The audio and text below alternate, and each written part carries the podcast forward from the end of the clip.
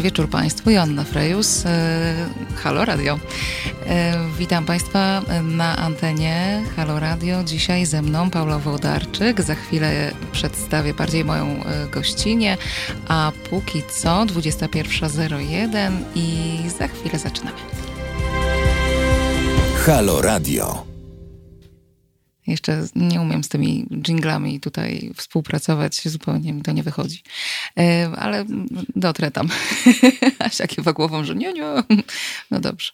Paula Włodarczyk dzisiaj jest z nami, e, drodzy Państwo, bo dzisiaj będzie taka mm, audycja poświęcona e, zaufaniu i to takiemu zaufaniu, które mm, pokładamy w osobach, które odbierają nasz telefon, czy odbierają słuchawkę telefonu, kiedy dzwonimy na telefon zaufania. Dobry wieczór, Paula. Dobry wieczór. Ty już można powiedzieć zęby zjadłaś na temacie e, telefonów zaufania, bo mm, jesteś mm, już nawet nie osobą, która odbiera telefony, tylko koordynujesz pracę tych osób, które te, te telefony odbierają.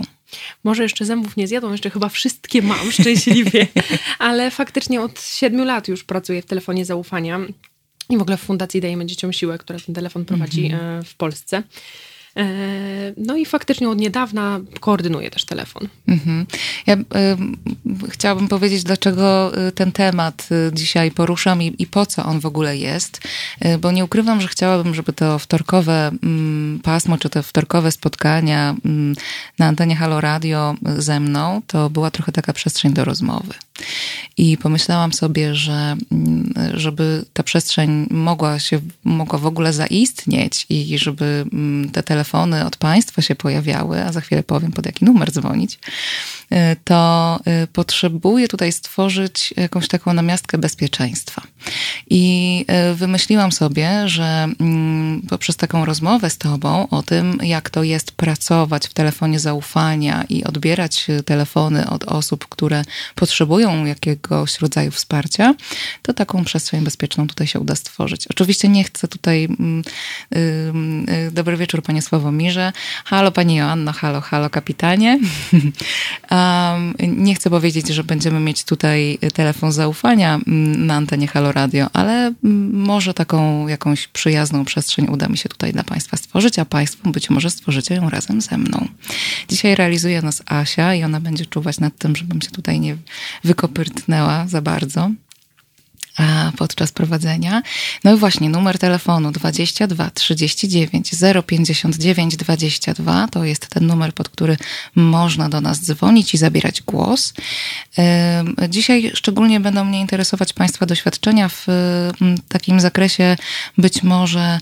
Hmm, korzystania z telefonu zaufania, korzystania ze wsparcia psychologicznego w ogóle, e, korzystania z wsparcia psychoterapeutycznego.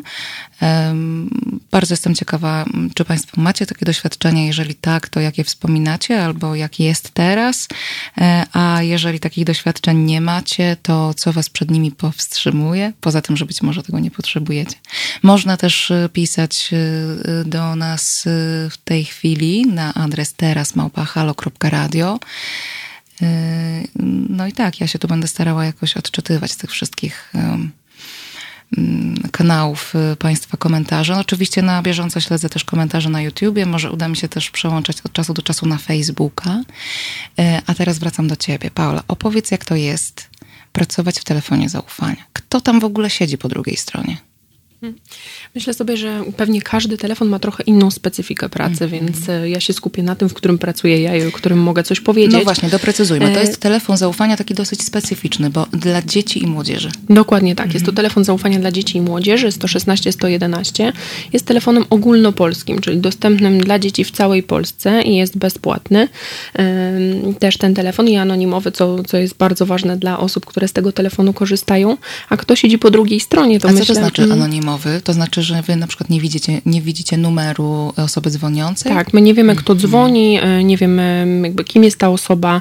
Słyszymy, czy jest to chłopiec, czy dziewczyna. Czasami jest tak, że e, osoby, które do nas dzwonią się przedstawiają, mówią jak, e, jak mają na imię. Czasami jest tak, że w ogóle podają swoje imię i nazwisko, natomiast nie jest to absolutnie wymagane. Konsultant nie będzie o to pytał. Także to jest taka bezpieczna przestrzeń. Myślę sobie, że to jest też takie miejsce, w którym dzieci są w stanie się otworzyć, są w stanie powiedzieć o czymś dla siebie ważnym. Właśnie przez to, że ten telefon jest anonimowy, to być może jest to trochę łatwiejsze. Mhm. Y, tutaj pan Marcin wspomina, że dzisiaj dzieci są bardziej świadome niż kiedyś. Być może tak, y, ale też y, tak piszę coś, co mi mm, uśmiech na twarzy mm, powoduje, bo lata temu pisało się do gazet typu Brawo albo Popcorn. To prawda. Nie wiem, czy pani pamięta te czasy. Oczywiście. A pisała Oczywiście. pani? Nie, nie, nie pisałam, ale nie mogłam się doczekać kolejnego numeru i, i czytałam e, tak z wielkim zaciekawieniem, e, co, co jest tam napisane. Ja mam Natomiast... taką teorię, że to jednak dorośli pisali. E, pewnie tak, natomiast no, cieszę się, że już tego nie ma i że jednak bardziej rzetelne informacje teraz młode osoby mogą znaleźć, nawet w internecie, który jest też pełny jakichś fake mhm. newsów, nieprawdziwych informacji, ale mimo to jesteśmy w stanie dotrzeć jednak do tej prawdziwej informacji, albo znaleźć osobę, na przykład przez internet, czy na przykład w telefonie zaufania, która nam takiej informacji udzieli mhm. bez problemu, tak? I możemy też otwarcie o to zapytać. No wcześniej tego nie było, jakby wiele tematów było tematami tabu i faktycznie brawo i popcorn tutaj służyły, natomiast no nie były to zbyt rzetelne mhm. źródła. No właśnie, tak jak mówisz o, o wyszukiwaniu różnych rzeczy w internecie, to mm, nachodzi mnie taka myśl, e, czy ten telefon w ogóle mm, się cieszy jakimś powodzeniem. To jest takie medium, z którego teraz dzieciaki i młodzież e, korzystają? Tak, y, cieszy się mhm. bardzo dużym powodzeniem. Y, bardzo dużo dzieci do nas dzwoni. Nie jesteśmy w stanie odebrać wszystkich połączeń. Aż tak. Wygląda to mhm. tak, że telefon dzwoni cały czas. Szczęśliwie od marca udało nam się uruchomić tą linię całodobowo, czyli działa 7 dni w tygodniu, każdego dnia, w każde święta, przez całą dobę, więc od 1 marca dzieci mogą się dodzwonić zawsze do telefonu zaufania mhm. i zawsze mogą wysłać wiadomość. Jeżeli nie są w stanie rozmawiać z jakiejś przyczyny, nie mogą się dodzwonić albo mm, nie są gotowi na to, żeby podjąć taką rozmowy, mają też alternatywę, mogą wysłać wiadomość do nas. Mhm. To z czym najczęściej, jeżeli to jest y, możliwe, żebyśmy o tym porozmawiały, to jakie tematy się pojawiają najczęściej? Mhm. Tematy tak naprawdę to jest bardzo szerokie spektrum. Mnóstwo tematów się pojawia, a czasami mm, to, to, co jest najczęściej, jakbym mogła tak statystycznie powiedzieć, to na ten moment są to tematy dotyczące zdrowia psychicznego. To jest szeroko pojęta kategoria, bo tam jakby w tej kategorii mieści się i depresja, i obniżony nastrój, i mhm. samotność, i lęki, zaburzenia odżywiania, inne zaburzenia psychiczne, próby samobójcze, myśli samobójcze, samookaleczenia.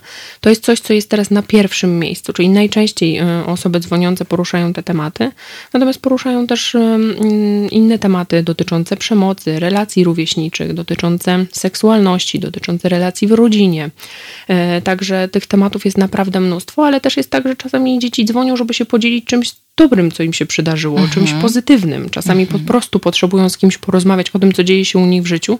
Nie widzą takiej przestrzeni czy takiej osoby w swoim otoczeniu, z którą mogą porozmawiać. Stąd y, decydują się na to, żeby zadzwonić do telefonu zaufania i o tym opowiedzieć. I oczywiście na to też jest przestrzeń. Nie ma tematu, którego nie można poruszyć w telefonie zaufania. Także mm, wszystkie tematy, które są tematami mm, dla dziecka ważnymi, o których potrzebuje porozmawiać, jak najbardziej z, z dużą otwartością konsultanci będą na to czekali. Mhm, to jeszcze zapytam o ten przedział wiekowy, żebyśmy już miały te mhm. formalności mniej więcej, żeby ten obraz był taki pełny. Mhm. To jaki przedział wiekowy jest, tych, dotyczy tych osób, które dzwonią? Głównie są to osoby w wieku w przedziale wiekowym 13-15 lat. Takich, takich osób jest najwięcej, natomiast e, dalej do 18 roku życia także i trochę wcześniej.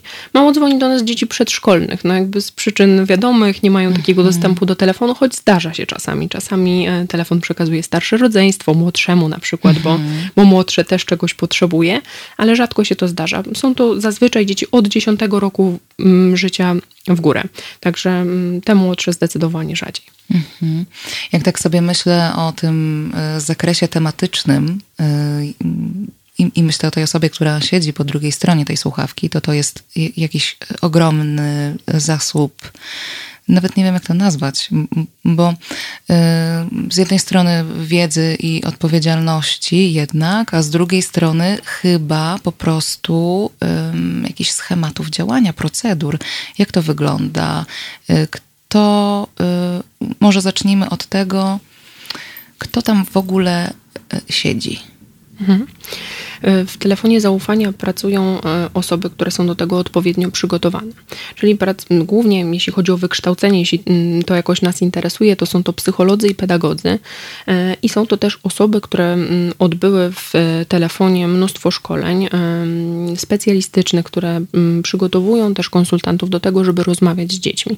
No to jest dla nas bardzo ważne, żeby ta pomoc była na wysokim poziomie, żeby wszystkie dzieci dostawały taką samą pomoc, bez względu na to, do kogo się dodzwonią. Mhm. Konsultantów jest bardzo dużo w telefonie, telefonów jest bardzo dużo i dzieci czasami się powtarzają, tak jakby ten, te kontakty są e, stałe. Czasami jest tak, że dzwoni dziecko do nas jakoś regularnie, na przykład opowiada o swojej sytuacji i um, też zależy nam na tym, żeby dziecko nie odczuwało różnicy, bez względu na to, do kogo się dodzwoni.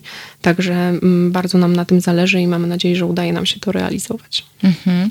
Czyli y, te procedury pewnie zostały wypracowane na podstawie jakichś y, pierwszych lat działalności y, telefonu. Od kiedy telefon działa? Od 11 lat, konkret. od 2008 roku. Mhm.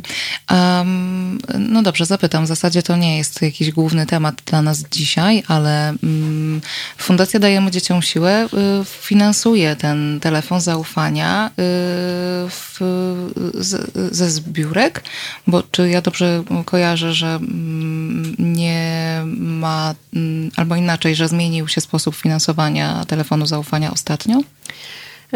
Zgadza się, na ten moment telefon zaufania jest e, finansowany przez prywatnych sponsorów. Mhm. Nie jest finansowany przez e, nasze państwo, czyli nie ma taki, takiego e, finansowania rządowego na ten moment, choć czekamy na rozstrzygnięcie jednego konkursu, więc jakoś trzymamy kciuki za to, żeby pozytywnie został rozstrzygnięty, bo to jest bardzo dzieciakom w, w Polsce potrzebne. Ale tak, mamy prywatnych sponsorów, to są też dwie fundacje, które nas sponsorują. Jest to Kulczyk Foundation Foundation e, i Fundacja Drzewo i Jutro. A takim technologicznym jeszcze partnerem naszym, który pozwala nam odbierać te telefony jest Orange.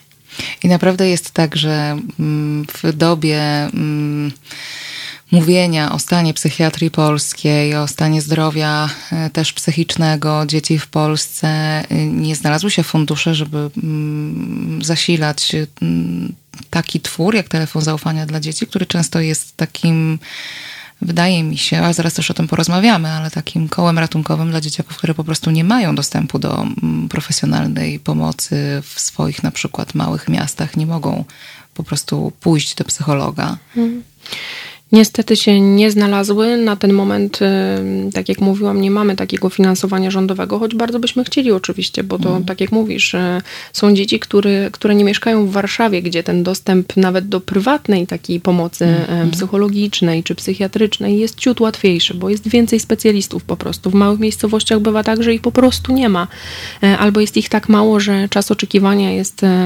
ogromny, bardzo długi.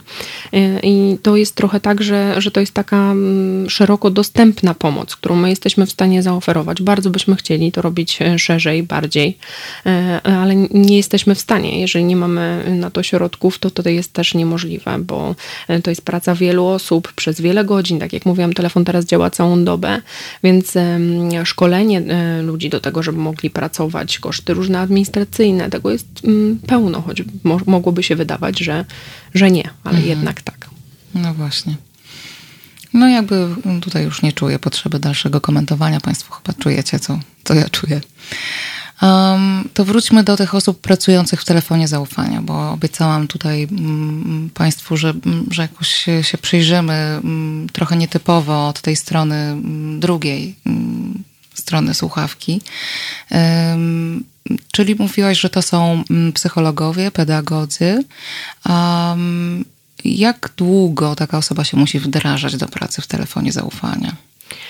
Wszystkie osoby, które na ten moment pracują w telefonie zaufania, są po rocznym stażu w tym telefonie, czyli przez rok, mm, jakby zupełnie za darmo, mm, na zasadach wolontariatu przychodziły, uczyły się, dostały mnóstwo szkoleń, bo około 100 godzin szkoleniowych, mnóstwo też takiej praktyki pod e, opieką doświadczonych już konsultantów, którzy wdrażali jakby w tą pracę nowe osoby, no i teraz z nami pracują, więc nie ma też takich osób, które przychodzą jakoś przypadkowo i, i pracują w telefonie zaufania, trudno jest nam sobie to wyobrazić na ten moment, bo to jest mhm. bardzo specyficzna praca i tak jak już mówiłam, e, nam tutaj zależy na tym, żeby dzieci nie odczuwały różnicy, żeby, żeby czuły się komfortowo, żeby zawsze dostały bezpieczną, rzetelną pomoc. Także na tym nam najbardziej chyba zależy. Mhm. Bezpieczną, rzetelną pomoc. To o tym porozmawiamy za chwilę, y, jak to jest, że ta pomoc jest bezpieczna. Y, trochę będę chciała wniknąć w procedury.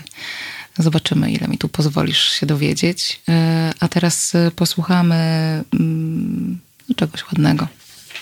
Tak, ja wiem, wy mi tu podkładacie kartki, ja nie umiem tego przeczytać nigdy. Halo Radio. Gadamy i trochę gramy.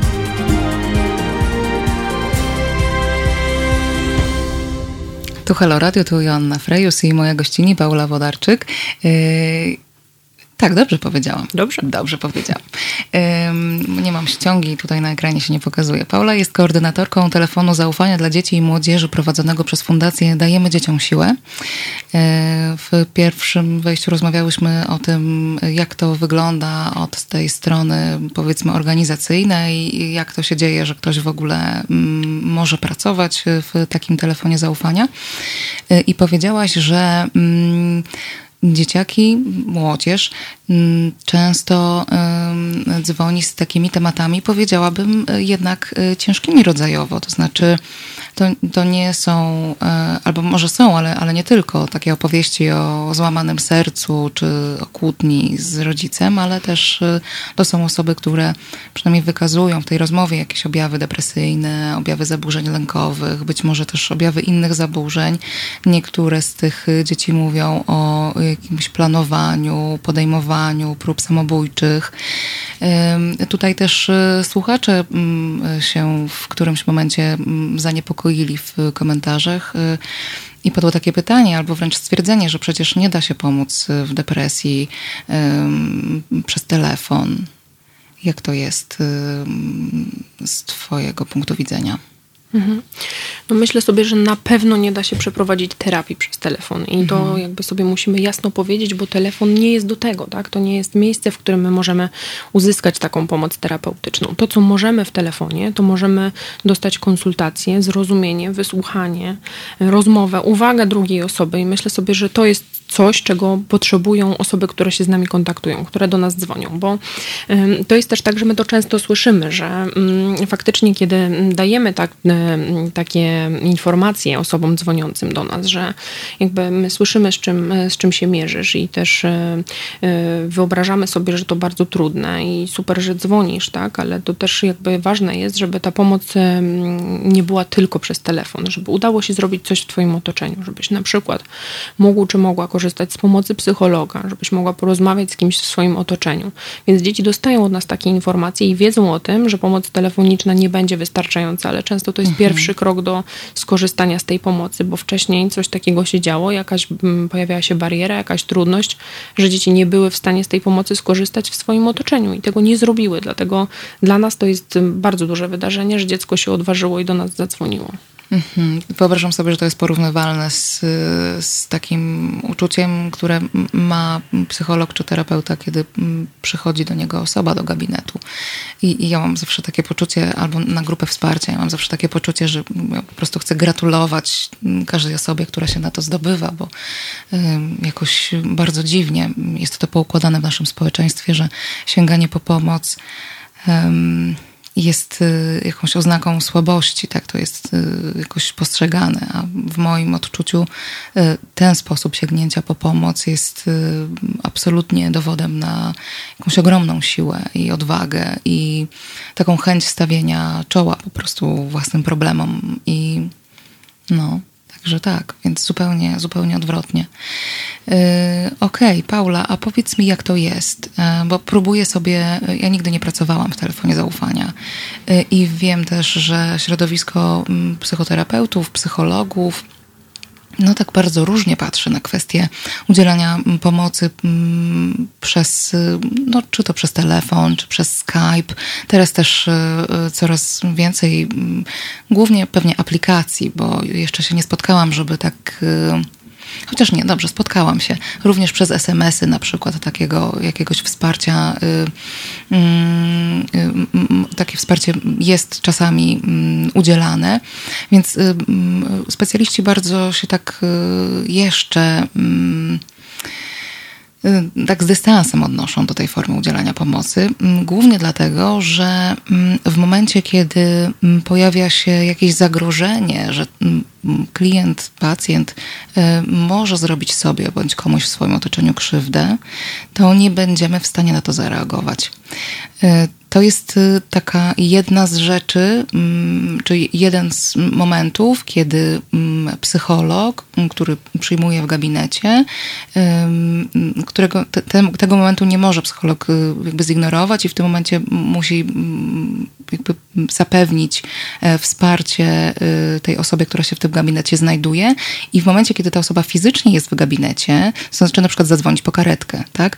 I w momencie, kiedy ta osoba się fizycznie znajduje w gabinecie, to to jest możliwe. W momencie, kiedy ja rozmawiam z osobą, która nie mam pojęcia, gdzie jest, e, to y, jest już bardzo trudne. I można powiedzieć, że... Mm, stwarza to problem z dotrzymaniem takich no, y, zapisów kodeksu etycznego y, psychologa, bo ja powinnam być w stanie zapewnić tę pomoc, y, nawet jeżeli to oznacza telefon tak, do, gdzieś na SOR i prośbę o przysłanie karetki.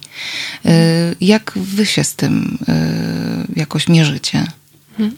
To już mówię i e, od razu też zapowiem, że będę mogła uspokoić tutaj wszystkich Państwa, którzy się e, niepokoją o to, co się dzieje z dzieckiem mhm. później i czy my faktycznie jesteśmy w stanie taką pomoc zapewnić.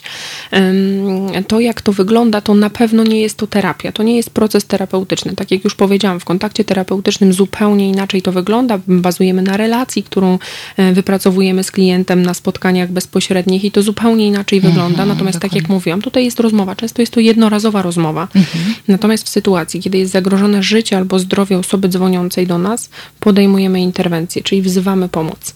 I wtedy, nie wiedząc, y, gdzie znajduje się dziecko, albo prosimy dziecko o to, żeby nam powiedziało, jak się nazywa, gdzie się znajduje. Czasami jest tak, że dzieci same o to proszą, mówią o tym, jak się nazywają, gdzie się znajdują, podają nam swój adres i wtedy, tak jak powiedziałaś, możemy wezwać pogotowie do dziecka. Natomiast jeżeli Wiemy o tym, że dziecko e, zamierza odebrać sobie życie, albo jest w trakcie takiej próby samobójczej i nie wiemy, gdzie dziecko się znajduje, kim dziecko jest, to wtedy działamy na mocy porozumienia z Komendą Główną Policji i wtedy policja zajmuje się tym, żeby to dziecko odnaleźć i udzielić mu pomocy. Natomiast dziecko jest o tym informowane, dostaje informację, że my jako osoby dorosłe mamy obowiązek udzielenia mu pomocy w takiej sytuacji. Mhm. Więc to nie jest tak, że my dajemy przyzwolenie dziecku na to, żeby odebrało sobie życie, bo tak nie będzie w żadnej sytuacji. Mhm. Zdarzają się takie sytuacje, że musicie sięgać po tę procedurę?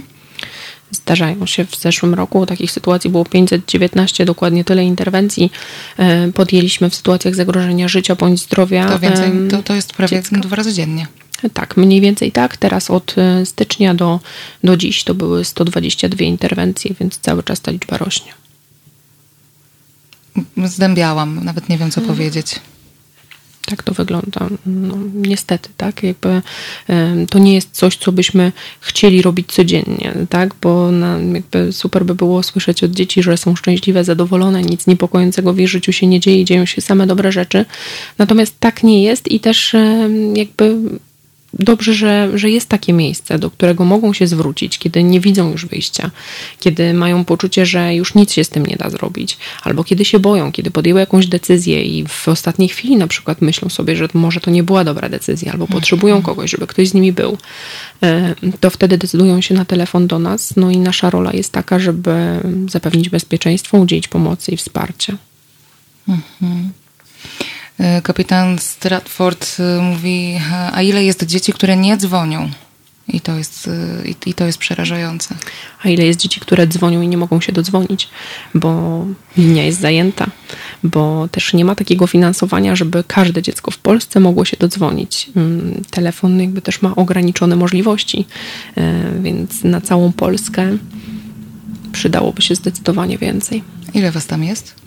Konsultantów? Konsultantów generalnie jest na ten moment około 70 osób. To jest ogromny zespół, ale nie mhm. pracują wszyscy naraz. No tak. Stanowisk naraz, które mogą odbierać telefony jest 5. Czyli 5 osób naraz może rozmawiać z dziećmi. Pięcioro dzieci może się dozwonić w jednym momencie. W całej Polsce.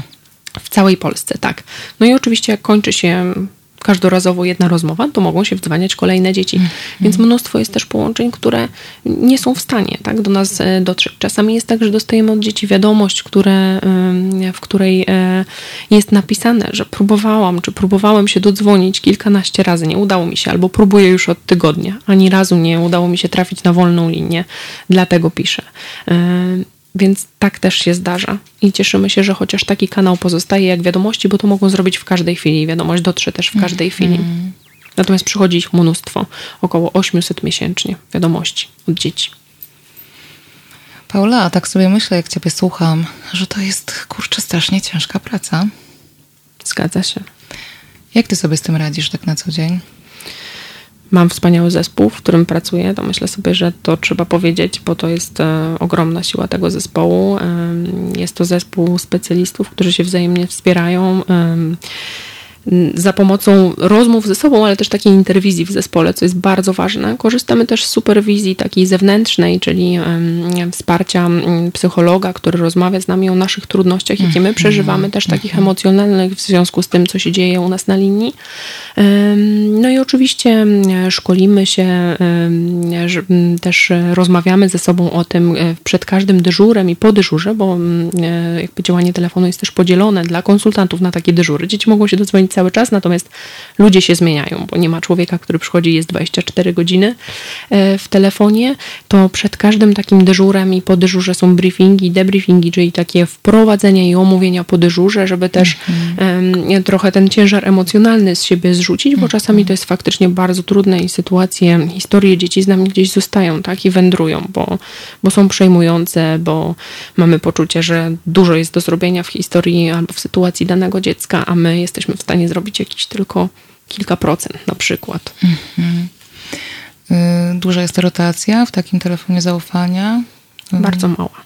Mhm. Jeśli chodzi o y, osoby, które pracują, bardzo mała. Y, pracownicy E, telefonu są to już osoby, które pracują od kilku lat w telefonie. Są też takie e, osoby, które są praktycznie od samego początku e, działania telefonu. Rotacja jest jedynie przy stażu. Kiedy kończy się jeden staż, przychodzi nowy, albo robimy mm, zazwyczaj dwa nabory rocznie stażu, gdzie też to są studenci już późniejszych lat psychologii, pedagogiki, więc to nie jest też tak, że, że każdy może na ten staż przyjść.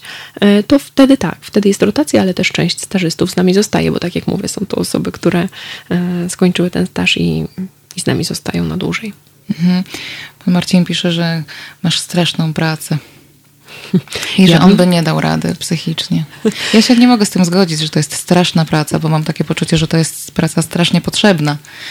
Ja się też z tym nie mogę zgodzić, bo ja bardzo lubię swoją pracę.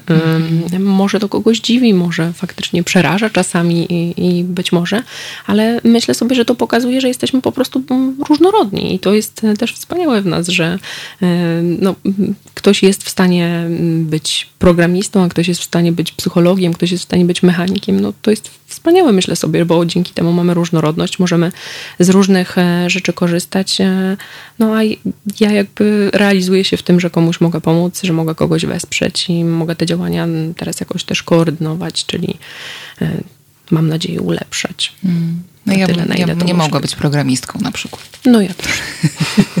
okay.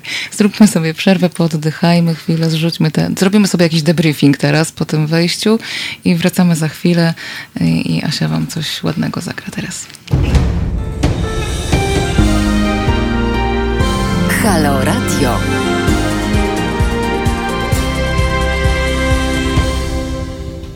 Dobry wieczór, Joanna Frejus. Jesteśmy na antenie Halo Radio.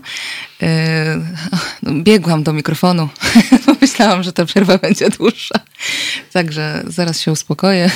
Moją gościnią dziś jest e, Paula Wodarczyk, która jest koordynatorką telefonu zaufania w Fundacji Dajemy Dzieciom Siłę. I to jest telefon zaufania mm, przeznaczony właśnie dla dzieci i młodzieży. No i rozmawiamy, jak to jest, jak to jest pracować w takim telefonie zaufania jak to jest też zadzwonić do takiego telefonu zaufania. E, kogo się tam po drugiej stronie usłyszy. Powiedz, kto tak naprawdę dzwoni do telefonu zaufania? Bo tutaj też y, podczytuję Państwa komentarze, za które bardzo dziękuję i zachęcam do, do komentowania mm, y, oczywiście mm, jeszcze i więcej. I y, tutaj padły takie teorie, mm, że to są dzieciaki, które nie mają wsparcia w w swoim otoczeniu, krótko mówiąc, że to są dzieci, które w jakiś sposób e, mm, no, są zostawione same sobie, które się zawiodły na swoim otoczeniu i nie mają tego wsparcia gdzie indziej i jedyne co mogą zrobić to, to sięgnąć po słuchawkę telefonu. Tak jest, czy to może jest trochę inaczej? Faktycznie często jest właśnie tak, natomiast nie zawsze. Czasami jest tak, że są to dzieci też, które nie chcą martwić na przykład swoich rodziców, bo mają poczucie, że mhm. rodzice już i tak mają dużo na głowie. Na przykład mają swoje zmartwienia, coś niepokojącego się u rodziców dzieje, mają dużo pracy więc też często tak się zdarza, że, e, że rodzice, że dzieci martwią się o swoich rodziców i nie chcą e, z nimi o tym rozmawiać. Bywa też tak, że dzieci obawiają się tego, co się zadzieje, kiedy one już powiedzą, jakie mhm. dalej działania zostaną podjęte, czy coś się zmieni, czy wydarzy się coś strasznego. Czasami, jak rozmawiamy na przykład o powiedzeniu o swoich trudnościach komuś w szkole, na przykład zaufanemu nauczycielowi, albo psychologowi w szkole, czy pedagogowi, to faktycznie mm, Czasami pojawia się opór z drugiej strony słuchawki i słyszymy, że to niemożliwe, bo potem się dowiedzą rodzice albo będzie wiedziała o tym cała szkoła, że to trudne. E, I myślę sobie, że, mm, że być może dlatego dzieci decydują się właśnie na telefon zaufania, bo jest to anonimowe, bo nie wiedzą z kim porozmawiają, bo mają poczucie, że nikt dalej się o tym nie dowie. Mhm. Natomiast naszym celem mm, jest też to, żeby dzieci znalazły taką bezpieczną e, osobę, e, bezpieczne miejsce w swoim otoczeniu, żeby te, to wsparcie też było na wyciągnięcie ręki, nie tylko właśnie na wyciągnięcie, po wyciągnięciu telefonu. Mhm. E, drodzy Państwo, zachęcam do tego, żebyście Państwo zabierali głos w tym temacie. Numer do nas to 22 39 059 22. Można też pisać na teraz małpa halo.radio i zadawać swoje pytania albo dzielić się swoimi doświadczeniami. E, mamy pytanie od pana Marcina. E, ile lat miało najmłodsze dzwoniące dziecko? Hmm. Myślę, że, mm, że najmłodsze, mm, takie, z którym ja rozmawiałam, bo mhm. też to myślę, że około czterech. To było e, bardzo małe dziecko, jak pamiętam, ale mm, nie zadzwoniło samo. Zadzwoniło starsze rodzeństwo i przekazało dziecku telefon. Mhm dziecko y, mówiło o tym, że, że się gorzej czuje, że, że jest samo, y, że się boi. Y, to były jakieś krótkie sformułowania, trudno było też dokładnie stwierdzić, co się dzieje mhm. i czy faktycznie ta rozmowa była wywołana tym, że dziecko odczuwało takie emocje, czy bardziej może starsze rodzeństwo zdecydowało, że taka rozmowa się odbędzie i że trochę sprawdzimy, co się dzieje. Mhm. Jak zadzwoni mój młodszy brat, to, to jak pani zareaguje, która usłyszy. E, natomiast rzadko tak się zdarza, że dzwonią tak małe dzieci. Zdarza się, że, że dzwonią dzieci z, z takich wczesnych e, klas szkoły podstawowej, czyli taki 1-3. To faktycznie tak. Choć tak jak mówiłam, najwięcej dzieci dzwoni takich 13-15 lat. Mhm. Myślę, że to, o czym powiedziałaś, to. Mm to, że dzieci często nie rozmawiają ze swoimi rodzicami o swoich problemach, dlatego że w jakiś sposób nie chcą ich martwić. To jest bardzo ważne. E, mi się to od razu psychologiczny umysł gdzieś wędruje w stronę parentyfikacji, w stronę takiego już nadmiernego, nadmiarowego, znaczy takiego, które się w ogóle nie powinno pojawiać, e, przejmowania odpowiedzialności przez dzieci za własnych rodziców. Mhm. Tak mi się to kojarzy, że, że jednak y, to być może jest faktycznie duży, y, duży problem y, i że dlatego dzieci nie rozmawiają ze swoimi rodzicami. Mhm.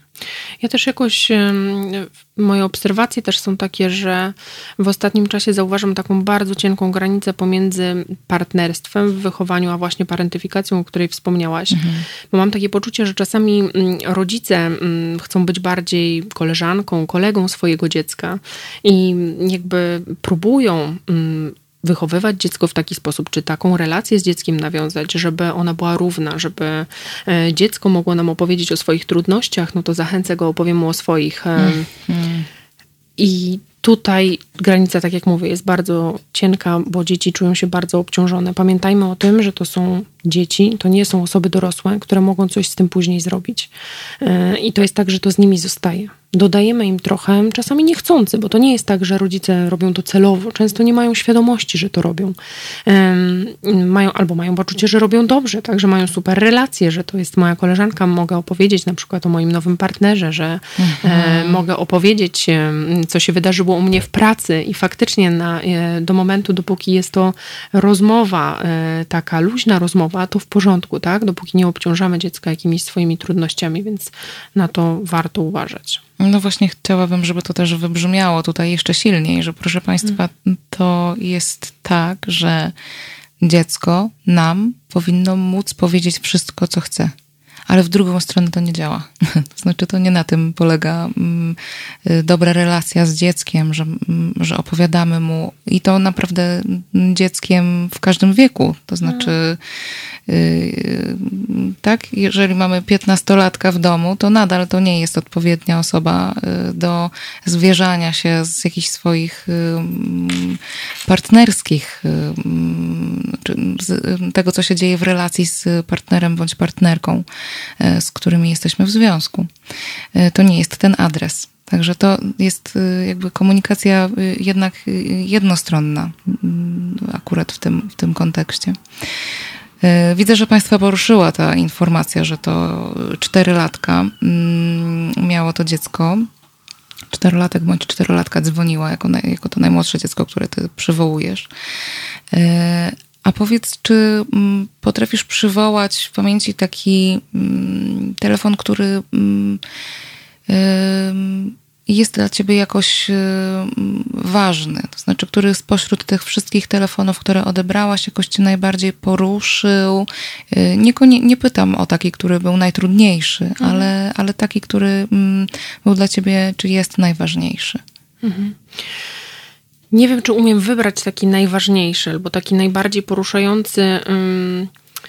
może, może bardziej bym to nazwała takim pierwszym skojarzeniem, albo co mi się pierwsze nasunęło na myśl, bo, bo też nie wiem, czy to było najbardziej, czy to było e, coś takiego najtrudniejszego, najmocniejszego i chyba nie, bo to nie o to chodzi, ale fakt, jak tak powiedziałaś, to, to e, całkiem jakaś niedawna sytuacja, kiedy rozmawiałam z dzieckiem, które potrzebowało pomocy, też takiej pomocy interwencyjnej. Co to znaczy e, pomoc interwencyjna? To znaczy, że, to znaczy, że e, zamierzało odebrać sobie życie i jakby było na to zdecydowane. I to było dziecko, które to był nastolatek i w trakcie rozmowy jakby zapytano o to, czy y, dziecko zostało zapytane o to, czy jest samo w domu, czy jest ktoś w, z nim może y, w takim celu, żeby też zapewnić mu bezpieczeństwo. Powiedział, że w domu jest babcia, że babcia śpi E, natomiast jakby poprosiłam o to, żeby obudziło babcię, bo potrzebowałabym z babcią porozmawiać i też powiedzieć o tej sytuacji, co się dzieje, żeby babcia mogła zareagować, żeby mogła zapewnić dziecku bezpieczeństwo. E, no, duży opór się pojawił po drugiej stronie słuchawki i usłyszałam, że absolutnie, że babcia się na pewno zmartwi, że babcia tego nie przeżyje, że w ogóle -hmm. absolutnie nie możemy babci o tym mówić. Po czym po dłuższej rozmowie o tym, jakby co się może zadziać, też o taki, takim uświadomieniu i psychoedukacji na temat tego, że babcia jest dorosłą osobą, że babcia ma więcej możliwości, żeby zadziałać. Że, że ja się postaram to pomieścić też emocjonalnie. Tak, mhm. dokładnie, że być może faktycznie będzie tak, że babcia się zdenerwuje, być może będzie tak, że babcia się zmartwi bardzo, mm, ale to też jakby rozmawialiśmy o tym, z czego to może wynikać i z jakiego powodu tak jest, że czasami dorośli reagują w takich sytuacjach albo bardzo emocjonalnie, albo właśnie się martwią. To mm, udało mi się uzyskać kontakt z babcią. E, i to, co mnie jakoś bardzo poruszyło, bo często jest tak, jak powiedziałaś, że dzieci, które do nas dzwonią, to e, są dzieci, które nie mają takiej bezpiecznej osoby w swoim otoczeniu, które nie mają się do kogo zwrócić, których mhm. otoczenie zawodzi. To tutaj babcia, e, wybudzona ze snu, mm, zupełnie mm, ciężko jej było jakoś e, skojarzyć, o czym ja do niej mówię. Zanim się wybudziła, ja trochę z nią poczekałam E, żeby, żeby ona mogła spokojnie ze mną porozmawiać. Wytłumaczyłam jej, co się dzieje. I babcia e, zrobiła mm, no, coś niesamowitego w ogóle w, w, moim odczuciu, bo, e, bo była to osoba z małej miejscowości, która akurat dziecko u niej przebywało. I w ogóle powiedziała, że to jest jej ukochany wnuk, że ona w ogóle, to było niesamowite to usłyszeć, że to jest jej ukochany wnuk, że ona widziała, że on jest ostatnio jakiś smutniejszy, że go pytała o to, ale on nie chciał rozmawiać i rozmawiać i że jakie to szczęście, że on zdecydował się do pani zadzwonić, że w ogóle to jest niesamowite, że jemu się to udało, że, e, że ona się bardzo cieszy, że on, on, to, to były takie skrajne też emocje, bo z jednej strony mówiła, że ona się bardzo cieszy, z drugiej strony mówiła, że co ona ma teraz zrobić, że ona się boi, czy E, czy ona powinna coś zrobić, ale mm, ta rozmowa trwała dłużej, udało się babcie mm, trochę uspokoić, trochę jej powiedzieć, jakie działania można e, podjąć. E, mhm. Oczywiście powiedziała, że natychmiast jakby zapewni mu taką pomoc, że ona z nim pojedzie, że w ogóle mm, pokryje ze swojej emerytury wszystko, co będzie trzeba. Jeżeli on nie dostanie takiej pomocy jakby bezpłatnej, no to ona jest w stanie to wszystko pokryć, więc to było naprawdę niesamowite i to dziecko było obok. E, i słyszało to, że babcia jest tak wspierająca. I może pierwszy raz. E, chyba tak, mhm. chyba tak, aczkolwiek e, mówiło, że z babcią ma bardzo dobry kontakt, więc faktycznie tylko to była bardziej sprawa tego, że nie chciało babci martwić, że miało poczucie, że babcia tego nie zrozumie, mhm. że tego właśnie nie pomieści. Natomiast no, zupełnie inaczej się okazało. No i mm, to było bardzo przyjemne słyszeć to, jak babcia zareagowała i życzyłabym każdemu dziecku takiej babci albo takiej osoby w otoczeniu, która pomimo tego przerażenia, pomimo tego, tej, tej ogromnej troski, pomimo też zdenerwowania, e, jest w stanie powiedzieć: Rozumiem, zrobię wszystko, co w mojej mocy, żebyś mógł poczuć się lepiej. Bo często dzieci tego nie słyszą, albo słyszą coś zupełnie odwrotnego. Jakie ty masz problemy, co się mm, zobaczysz, jak dorośniesz, będzie gorzej. Mhm. E, wtedy zobaczysz, co się dzieje. A usłyszeć e, od bliskiej osoby, w ogóle nie słyszeć pytań, tylko usłyszeć zapewnienie: jestem, pomogę, to jest chyba najlepsze, co możemy zrobić. Nie słyszeć pytań, po, tylko usłyszeć zapewnienie, że jestem. Mhm. Drodzy Państwo, ja myślę, że to jest taki moment, kiedy jeżeli macie Państwo dzieci w takim wieku albo wnuki, to warto sobie zapisać chyba, żeby móc skorzystać z tego, jak będzie taka potrzeba. Y, zróbmy sobie chwilę przerwy. Widzę Państwa pytania, za chwilę je Pauli zadam y, po krótkiej przerwie. Już mi Asia nawet nie napisała, co poleci.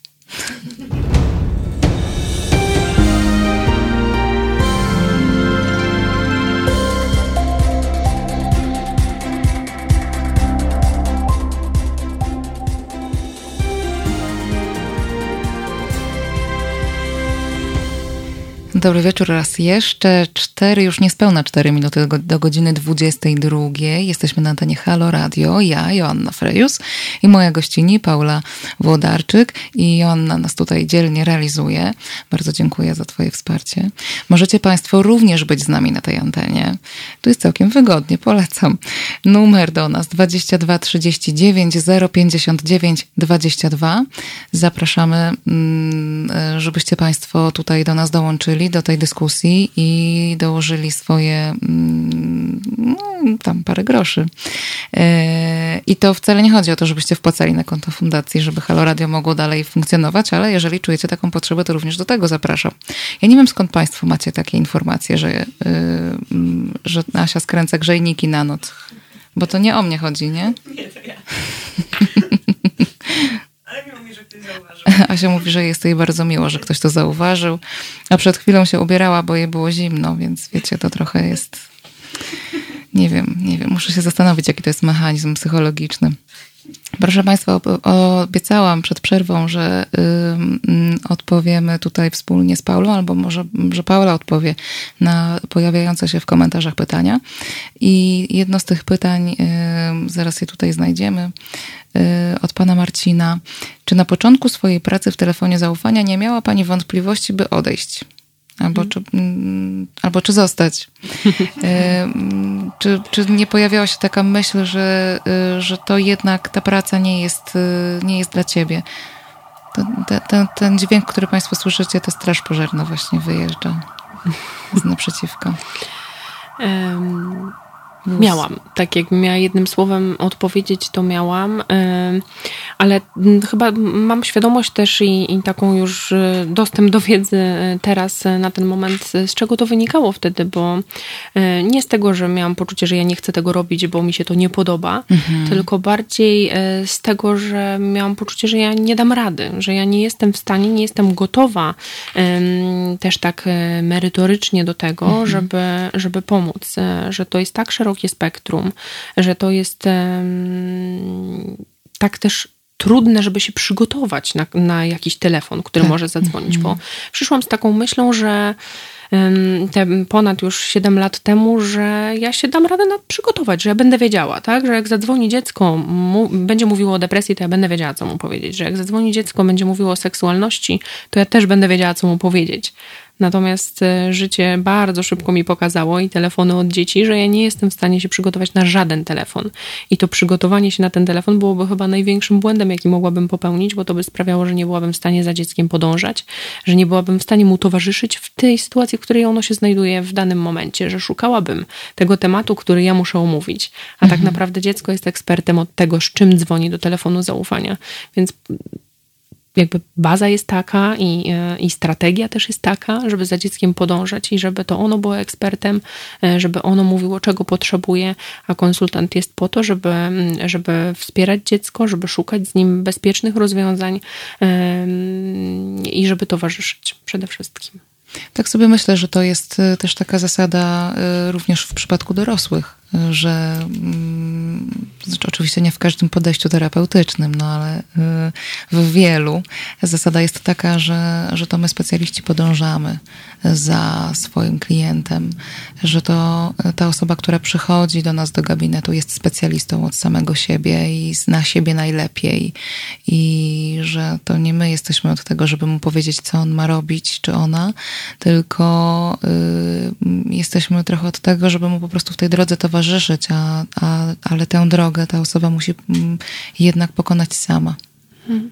Zdecydowanie myślę sobie, że też ważne, żeby mm, żeby ludzie to po prostu wiedzieli, żeby mogli to usłyszeć, bo myślę sobie, że oczekiwanie, mm, kiedy nie wiemy, jak wygląda pomoc e, terapeutyczna czy pomoc psychologiczna, to często pojawiamy się w gabinecie z takim oczekiwaniem, że będzie zupełnie odwrotnie, że właśnie ja przychodzę i dostanę gotowe rozwiązanie. Najlepiej tak. taką mhm. receptę, żeby mi ktoś wypisał, co ja mam zrobić punkt po punkcie, e, żeby za dwa dni było lepiej, albo jutro już od razu, albo od razu mhm. dzisiaj najlepiej. A to jest niemożliwe, nie da się tego zrobić. Mhm. Ale chcesz powiedzieć, że w przypadku telefonu zaufania nie ma takich procedur, jakiegoś takiego, wiesz, drzewka, że jak y, dzwoni ktoś i mówi coś, to y, jest tam tak, nie, to, to jak, jak tak, to coś tam powiedz, a jak nie, to powiedz coś innego. Nie, nie, nie ma takich procedur? Nie ma, szczęśliwie nie ma. E, myślę sobie, że to byłoby bardzo trudne i dzieci niechętnie by z nami wtedy rozmawiały. E, jest to zbędne zdecydowanie. Znaczy, oczywiście potrzebne są szkolenia do tego, żeby różne tematy poruszać, do tego, żeby, żeby czuć się gotowym na to, żeby odpowiadać na pytania dzieci, żeby wiedzieć, jak dostosować też na przykład psychoedukację do wieku dziecka, bo też w zależności od tego, w jakim wieku dziecko do nas dzwoni, to mhm. różne rzeczy od nas usłyszy. To nie, to nie jest e, także jedno usłyszy prawdę, a drugie nieprawdę. Tylko to będzie jakby to samo, ale dostosowane do wieku dziecka, bo na każdym etapie e, dziecko może potrzebować innej wiedzy. Mhm. A powiedz, czy te procedury, no może nie takie ścisłe, mm, jak ustaliłyśmy przed chwilą, ale czy to, y, czym się posługujecie w telefonie zaufania, odbierając telefony od dzieci, można jakoś przetransportować na y, takie reagowanie mm, na kryzys u dziecka w takim y, życiu offline? To znaczy, jeżeli, czy jesteś w stanie dać jakiś pakiet rad rodzicom czy dziadkom, którzy funkcjonują z dziećmi na co dzień, o których to jesteś przekonana, że są potrzebne na, podsta- na podstawie swojego doświadczenia z telefonu zaufania. Trochę to zamotałam, tak jak sobie, no ale no dobrze. Postaram się rozmotać w takim razie i rozplątać. Mam nadzieję, że dobrze zrozumiałam, e, że chodzi o to, jaki rodzic powinien być, czy jaki opiekun powinien być, żeby, żeby dziecko mogło funkcjonować poprawnie, tak? I żeby, czy żeby miało taką, w dobrostanie, ja bym powiedziała. Funkcjonować w mhm. dobrostanie, mm. tak? Mieć takie bezpieczne e, miejsce, bezpieczne otoczenie.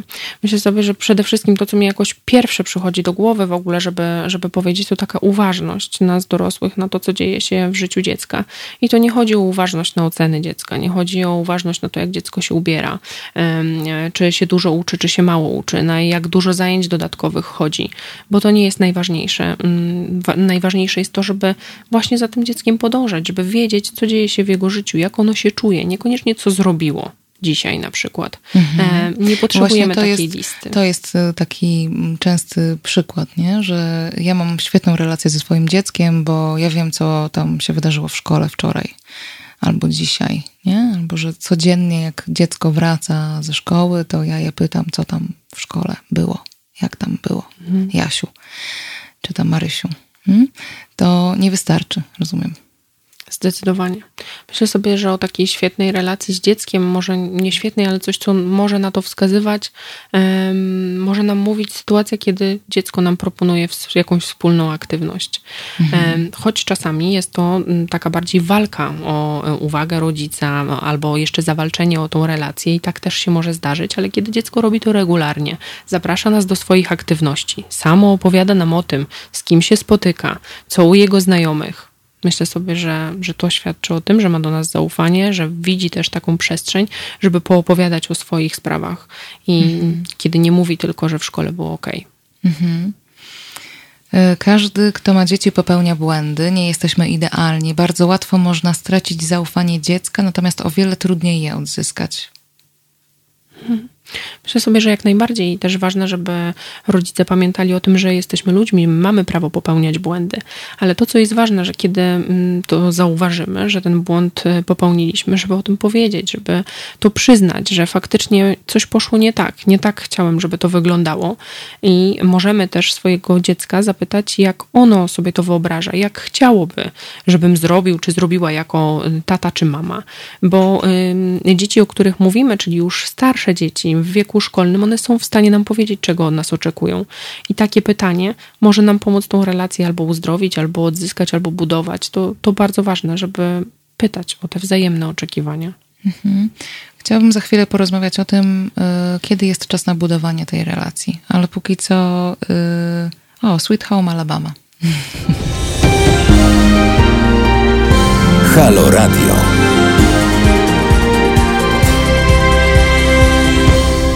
Dobry wieczór Państwu, Halo Radio. Joanna Frejus w Halo Radio i Paula Włodarczyk. Rozmawiamy dzisiaj o telefonach zaufania, o tym jak to funkcjonuje, kto tam siedzi po drugiej stronie słuchawki, kto dzwoni do telefonu zaufania i w jakim celu oraz jak taki telefon zaufania i kontakt z takim e, tworem może e, pomóc. Akurat bardzo specyficzny telefon zaufania dzisiaj mamy, że tak powiem, na tapecie, bo mówimy o telefonie zaufania dla dzieci i młodzieży. I tutaj Państwa mm, porusza mm, to, że, że te dzieci są tak y, małe. Mnie z kolei porusza, jak wiele dzieci dzwoni, a jeszcze bardziej mnie porusza, jak wiele dzieci się nie może dodzwonić, dlatego że niestety nie ma dofinansowania rządowego dla, takiego, dla takiej instytucji, jaką jest telefon zaufania dla dzieci i młodzieży. W kraju, w którym mamy, można śmiało powiedzieć, kryzys psychiatrii w ogóle, a psychiatrii dziecięcej, nawet nie wiem, jak to nazwać, bo to kryzys to jest jakoś za słabe, bo mm, jak myślę jako psycholog o, mm, o, o kryzysie, to y, kryzys to jest coś rozwojowego, a tutaj to jest chyba zapaść po prostu bardziej, albo, albo no, no Wiecie Państwo, o czym mowa. Y, czytam Państwa mm, komentarze i chciałabym zdementować y, tutaj informację, że to ja jestem tą Joanną od grzejników. To, to, to, nie ja te grzejniki skręcam. Ja lubię, jak jest ciepło. To Joanna się składa. To druga Joanna. To druga Joanna te, grzejniki skręca. E, mamy pytanie mm, w komentarzach. Mm, mm, Piotr Osław pyta, czy Fundacja Dajemy Dzieciom Siłę planuje w najbliższym czasie nowe kampanie w mediach? E, nieznajomi w internecie i kinowy to będzie nasz sekret były doskonałe. Ty w ogóle jesteś w tym temacie, Paula, y, kampanii społecznych i tego, co y, organizuje fundacja w swoich działaniach takich medialnych bardziej, czy po prostu siedzisz w budce telefonicznej i tam nie docierają do ciebie informacje? Szczęśliwie mam trochę wolności i mogę, mogę wychodzić, nie jestem w budce. E, I jak najbardziej fundacja realizuje bardzo dużo kampanii. Teraz zachęcam do e, odwiedzenia strony fundacji i czy Facebooka e, fundacji E, gdzie mm, są, no, jest dostępna nowa kampania, która mhm. właśnie wystartowała. To są domowe zasady ekranowe e, dotyczące korzystania z nowych technologii, z telefonu, tabletu, internetu e, w relacjach rodzinnych. Właśnie zachęcam wszystkich Państwa do zajrzenia do tego. Myślę sobie, że same grafiki, które fundacja przygotowała do tej kampanii, wiele mówią. Są poruszające, trudne chyba nawet. Myślę sobie, że jak ja je zobaczyłam po raz mhm. pierwszy, to sobie pomyślałam, że to takie szare jakieś i smutne. Także y, faktycznie y, zachęcam do, do zobaczenia, bo myślę, że one mhm. wiele mówią o tym, jak my dzisiaj funkcjonujemy, y, jak spędzamy czas z naszą rodziną, z naszymi dziećmi. No i do czego to prowadzi, trochę możemy znaleźć odpowiedź, z jakiego powodu jest tak, a nie inaczej. No właśnie, mm, tak sobie pomyślałam, że bardzo płynnie przeszłyśmy do y, kolejnej części tego dzisiejszego spotkania, bo y, rozmawiamy y, o telefonie zaufania dla dzieci i młodzieży, co i mówisz otwarcie o tym, że w zasadzie ile by tam osób nie siedziało, to mm, mm, chyba zawsze będzie za mało. Y, a na pewno jest za mało w tej chwili i na pewno y, tysiące, setki tysięcy dzieciaków potrzebują wsparcia. Mm, a ja myślę o tym, y, skąd taka sytuacja. Bo to, że trzeba reagować, mm, bo jest zapotrzebowanie, to jedno, ale z drugiej strony chciałabym porozmawiać o tym, y, dlaczego to zapotrzebowanie jest tak duże. Jak myślisz, skąd się to bierze? Dlaczego dzieci w Polsce potrzebują takich instytucji jak telefon zaufania? Dlaczego potrzebują korzystać ze wsparcia psychologicznego, psychiatrycznego w tak ogromnej masie? Hmm. Myślę sobie, że bardzo wiele czynników się na to składa. Trudno jednym słowem czy jednym zdaniem odpowiedzieć na to, z jakiego powodu tak się dzieje, bo mm, to są czynniki bardzo różne i środowiskowe, i takie, które dotyczą tego mm, właśnie, co się dzieje w takim bliskim otoczeniu dziecka, czyli na przykład w rodzinie, czy faktycznie dziecko ma wsparcie, czy nie ma wsparcia e, w najbliższym otoczeniu, jak radzi sobie z presją, która e, też jest e, wszechobecna, bo ona jest obecna i w szkole, jak radzi sobie z przeciążeniem, które też jest związane ze szkołą, z przeciążeniem nauką, z przeciążeniem e, obowiązkami, zajęciami dodatkowymi, jak, jak radzi sobie też w relacjach rówieśniczych, czy, czy się odnajduje, czy nie doświadcza przemocy, więc całe mnóstwo tak naprawdę. Trochę jest też tak, że nowe technologie mogą być bardzo pomocne, ale mogą też nam szkodzić i mhm. myślę sobie, że czasem jest tak, że dzieci spędzając dużo czasu bardzo w internecie, no, trochę przestają korzystać też z takich bezpośrednich relacji z rówieśnikami, co później sprawia um, ogromne trudności, kiedy um, w te relacje trzeba wejść, trzeba zbudować, kiedy pojawia się um, czas na przykład na pierwszy związek, a okazuje się, że nie wiadomo, jak to zrobić, bo z nikim nie rozmawiam. No właśnie, e... właśnie, nie wiadomo, jak wyrażać emocje inaczej niż poprzez emotikony. Dokładnie. Mhm. E, okej, okay, ale to mówisz o takich już starszych dzieciakach, o młodzieży. A ja bym się chciała jeszcze przyjrzeć temu, co można zrobić dużo wcześniej na etapie tym, kiedy mamy największy wpływ na to, jak się rozwija to nasze dziecko, na etapie, kiedy możemy je najbardziej wspierać, bo mamy po prostu, z jednej strony my mamy największy wpływ, jeszcze mamy coś do powiedzenia. E, a z drugiej strony też biologia jest tak e, zbudowana, e, że to jest właśnie ten moment, kiedy dziecko się, jego osobowość się kształtuje najmocniej, czyli te pierwsze lata życia dziecka, pierwsze dwa lata tak naprawdę, jak pomyślę o, o takiej neuropsychologii, czy też psychologii rozwojowej. Co, na co tutaj trzeba zwrócić uwagę, y, żeby dać y, swojemu dziecku albo wnukowi, wnuczce, bo przecież y, dziadkowie również mogą być takim wsparciem i bardzo często są.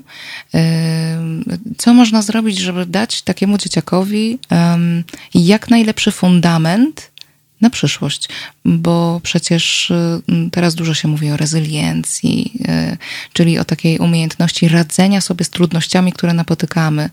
Mm, przecież ona się nie bierze z niczego. Oczywiście, że, że możemy mówić o jakichś kwestiach temperamentalnych, bo rodzimy się już z jakimś pakietem. Hmm, powiedziałabym, no, taki, takim pakietem, takim koktajlem cech temperamentalnych.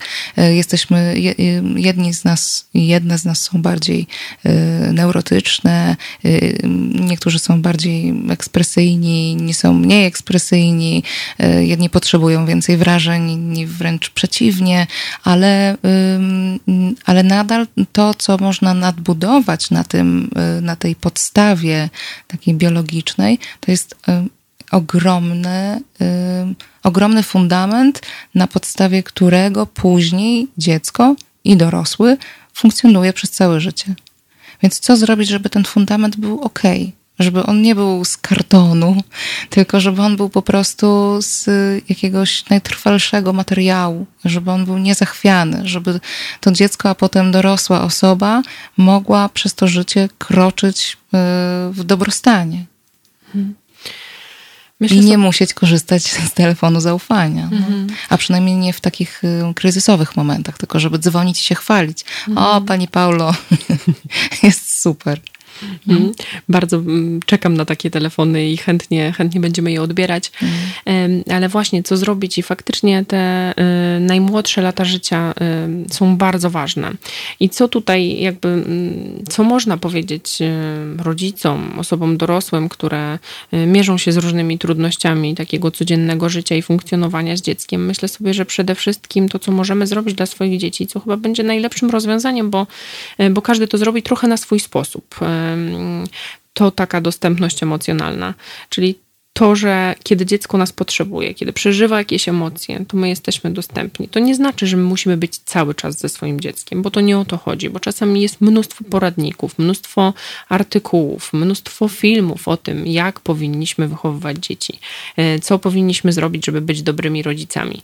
Wyobrażam sobie, że rodzic, który czyta, ma dostęp do tego, może się czuć bardzo zagubiony. Tak, jest klęska urodzaju zdecydowanie. Tak jak kiedyś nie było w ogóle informacji, tak, tak teraz jest klęska urodzaju i nie ma tygodnia, żeby nie został opublikowany nowy mhm. poradnik, jakaś instrukcja obsługi, wcale nie mam na myśli jakiejś konkretnej publikacji, ale no po prostu w każdym tygodniu coś się pojawia. Często są to publikacje, które podają zupełnie inne sposoby sposoby, więc y, będąc też mamą małego dziecka, wyobrażam sobie, że gdybym nie miała takiego wykształcenia, jakie mam, to czułabym się bardzo zagubiona, bardzo. Mhm. Myślę sobie, że właśnie zagubienie i takie poczucie winy to, to jest coś, co się mhm. pojawia u, u rodziców e, w dzisiejszych czasach, bo, e, bo chcemy się realizować, chcemy pracować, chcemy też jakoś spełniać siebie, a nie jesteśmy czasami w stanie tego pogodzić z wychowaniem dzieci. Mamy poczucie, że kiedy robimy jedno, to nie jesteśmy w stanie być do, dobrzy w tym mhm. drugim. No a nie do końca tak jest, bo myślę sobie, że właśnie chodzi o to, żeby nauczyć swoje dziecko tego, że jesteśmy dostępni emocjonalnie właśnie dla niego, kiedy ono tego potrzebuje i dać takie przyzwolenie na to, żeby dziecko mogło przeżywać emocje każde. Nie mhm. tylko radość, ale także złość, także smutek, żeby mogło płakać. Nie musimy za każdym razem dziecka uspokajać, mówić e, nie płacz, nie płacz, nie bój się. Jeśli chcemy, żeby się nie bało, to powiedzmy mu, jak to zrobić, żeby się nie bać, bo samo powiedzenie nie bój się e, nie pomoże. Tak? E, dziecko mhm. może się bać, ma prawo, strach jest też potrzebny, wszystkie emocje są nam potrzebne, więc po prostu pozwólmy dziecku je przeżywać i towarzyszmy mu w tym. Dawajmy sygnał, że jestem, mogę cię przytulić, mogę z tobą o tym porozmawiać, jestem, ale też na siłę tego nie korygujmy, nie zmieniajmy, bo to często jest krzywdzące, bo dzieci właśnie nie potrafią później, tak jak wspomniałaś, sobie z tym radzić mhm. i potrzebują pomocy. No dobra, to konkretnie. Mam dziecko yy, czteroletnie. Yy, tak, widzę to, widzę to pytanie i zaraz na nie też odpowiem. No dobrze, to niech będzie, jak już Asia nam tutaj poprowadziła, to niech będzie. A jak pomóc dziecku, które zamyka się w czterech ścianach? Jak pomóc dziecku, które woli samotność, pyta pan, pan Marcin. Mhm. To w ogóle jest taki przypadek, że dziecko może y, y, woleć samotność. Ja mm, mówię o takim skrajnym przypadku, bo że w ogóle mm, jako ludzie potrzebujemy czasami być sami, to, to jest zdrowy objaw. Mhm. Tylko y, czy to jest ok w przypadku dziecka i kiedy to jest taka skrajna forma, to co z tym zrobić? Mhm. Jeżeli to jest czasami, to nie ma w tym nic złego, tak? Bo każdy czasami potrzebuje pobyć tylko i wyłącznie ze sobą i najzwyczajniej na świecie od odpocząć, nie wiem, pomyśleć o różnych rzeczach. Natomiast jeżeli to jest tak, że to uległo zmianie mm, jakoś na przykład w ostatnim czasie, że tak mhm. wcześniej nie było, albo że dziecko w ogóle nie nawiązuje relacji, to też jest ważny wiek dziecka tutaj. Myślę sobie, że, że trudno mm, się do tego odnieść, kiedy nie wiemy, tak, nie znamy szerszego kontekstu sytuacji. Natomiast generalnie, tak ludzko, rozwojowo samotność e, mm, nie jest w normie, tak? Ludzie potrzebują e, innych osób do tego, żeby się prawidłowo rozwijać i prawidłowo funkcjonować. Potrzebują tworzyć więzi, jesteśmy e, stadni, więc potrzebujemy innych osób do tego, żeby, żeby mm, się czuć dobrze, prawidłowo funkcjonować. Także jeżeli jest tak, że, że dziecko zamyka się w czterech ścianach, to ważne, żeby wiedzieć, co się takiego dzieje, że, że tak jest, z jakiego powodu dziecko tego potrzebuje i po co to robi, co mu daje to zamykanie się w czterech ścianach. Bo czasami to jest tak, że myślę sobie, że często możemy to u nastolatków obserwować, mhm. że one się zamykają i nie chcą rozmawiać z dorosłym. I nie zawsze to musi być coś niepokojącego. Natomiast jeżeli wcześniej było inaczej i z dzieckiem mieliśmy bardzo dobry kontakt, było otwarte, chętnie wychodziło, a teraz zupełnie nie wychodzi z pokoju, no to warto się tym zainteresować, zapytać, co się dzieje, czy dziecko potrzebuje pomocy, albo po prostu powiedzieć, że się o nie martwimy i mamy poczucie, że ta pomoc byłaby wskazana. Może być tak, że nastolatek nie będzie chciał z nami jako rodzicami rozmawiać. Może być tak, że powie, że nic mu nie jest, albo wszystko jest w mhm. porządku, żeby dać mu święty spokój to chyba nie jest najlepsze, co możemy zrobić, żeby ten święty spokój w takiej sytuacji mu dać. Warto dać mu znać, że się martwimy i chcemy pomóc. Mhm. A kiedy jest ten moment, kiedy powinniśmy zacząć myśleć o tym, żeby pójść z dzieckiem do specjalisty i czy to faktycznie jest tak, że y, idąc z dzieckiem do specjalisty, idziemy do specjalisty z dzieckiem, a nie również z samym sobą? Mhm. Myślę sobie, że taki moment, kiedy powinniśmy się na to zdecydować, to jest taki moment zmiany, kiedy zauważamy, że coś się wydarzyło, mm. co mm, trochę, nie wiem czy mogę tak powiedzieć, ale upośledza funkcjonowanie dziecka, takie dotychczasowe i codzienne. Czyli na przykład dziecko chodziło, wychodziło z domu, spotykało się ze znajomymi, teraz nie chce tego robić. Rozmawiało z nami, teraz nie rozmawia. Albo mm, jest agresywne na przykład, tak? Bo e, czy ma obniżony nastrój, czy nie dba o higienę osobistą, bo tak też się może zdarzyć. Mhm. To są takie sygnały, które powinny nam taką lampkę czerwoną zapalić i, e, i mm, dać sygnał, że dziecko może tej pomocy potrzebować. Ale znając swoje dziecko, my to zauważymy będziemy w stanie z nim o tym porozmawiać, zapytamy je o to, powiemy, że szukanie pomocy to nie jest nic złego, bo też to jest e, coraz już e, mniej, ale jednak jeszcze temat tabu i często, zwłaszcza w mniejszych miejscowościach, e, jakby słychać to, że dorośli nie chcą, żeby dziecko chodziło do psychologa, nie chcą, żeby dziecko chodziło do psychiatry, bo tutaj się pojawia kontekst tego, co się potem z dzieckiem wydarzy. Przecież co ludzie pomyślą o tym, że, albo o mnie jako o rodzicu, albo co pomyślą o moim dziecku, że ono chodzi do psychiatry. Przecież ono życia nie będzie później miało. I mm, ważne, żebyśmy wiedzieli, że to szczęśliwie się już zmienia, że to, że ktoś idzie do psychiatry czy do psychologa nie oznacza, że do końca życia będzie się za nim ciągnęła ciężka choroba psychiczna, bo tak wcale nie musi być. Zupełnie jakby każdy może pójść do psychologa czy do psychiatry i warto, żeby to robił. Ja często rozmawiając z rodzicami, bo mm, też e, tak się często dzieje, że rozmawiam i trochę słysząc właśnie, że no jak to do psychologa czy do psychiatry, przecież e, bez przesady nic takiego mu nie jest, jakoś po prostu ostatnio gorzej, e, to też pytam, jak na przykład rodzice reagują w sytuacji, kiedy dziecko ma gorączkę na mhm. przykład. Są nawet takie rysunki w sieci krążą, że, mhm. prawda? Jest para jest rodzic i dziecko w rozmowie z lekarzem i, i, i dwa, dwa rysunki przedstawiają dwie sytuacje. W jednej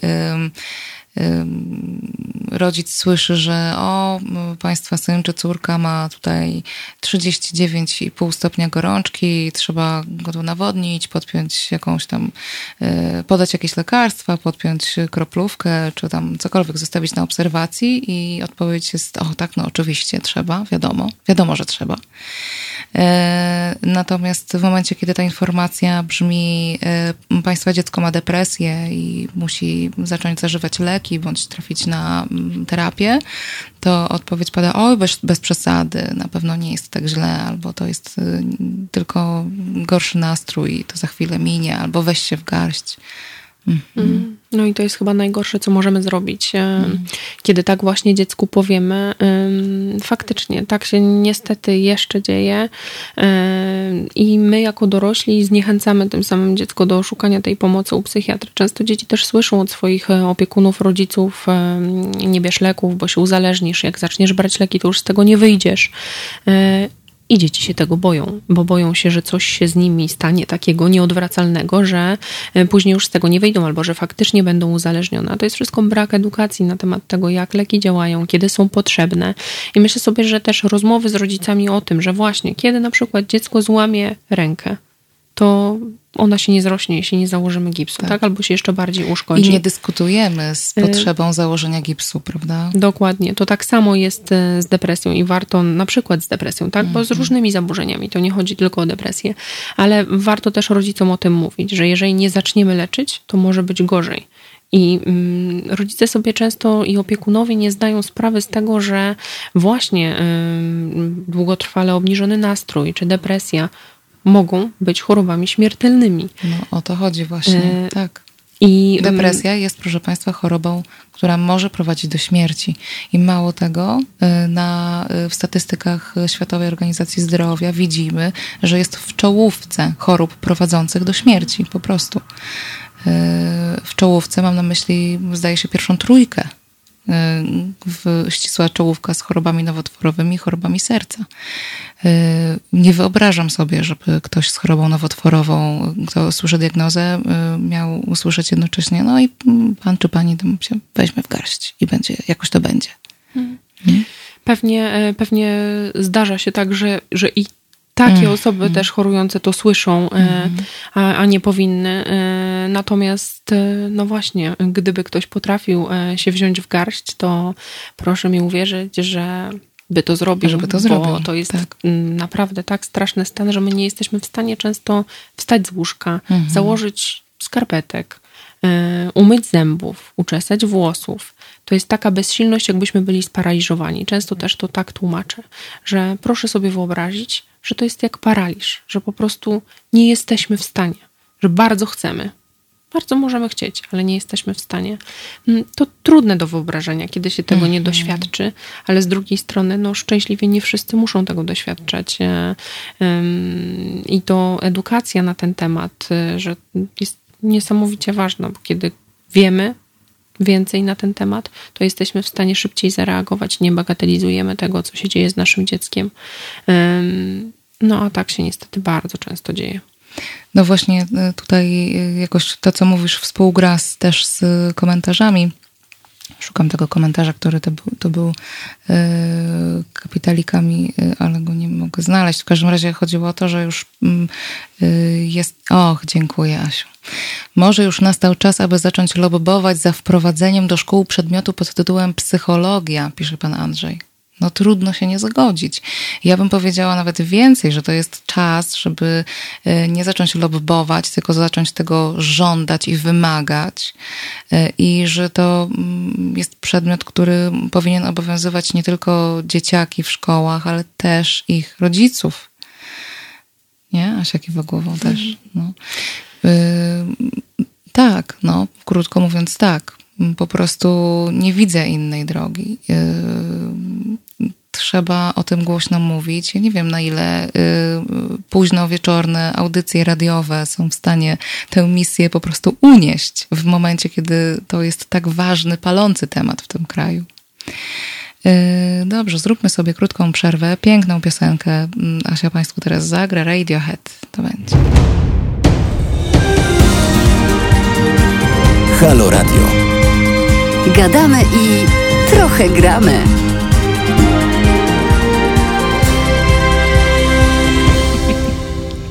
Dobry wieczór, Joanna Frejus na antenie Halo Radio z gościnią Paulą y, Włodarczyk, koordynatorką telefonu zaufania dla dzieci i młodzieży prowadzonego przez Fundację Dajemy Dzieciom Siłę. Rozmawiamy o, no tak, o telefonie zaufania, ale już odpłynęłyśmy daleko od, od tego tematu.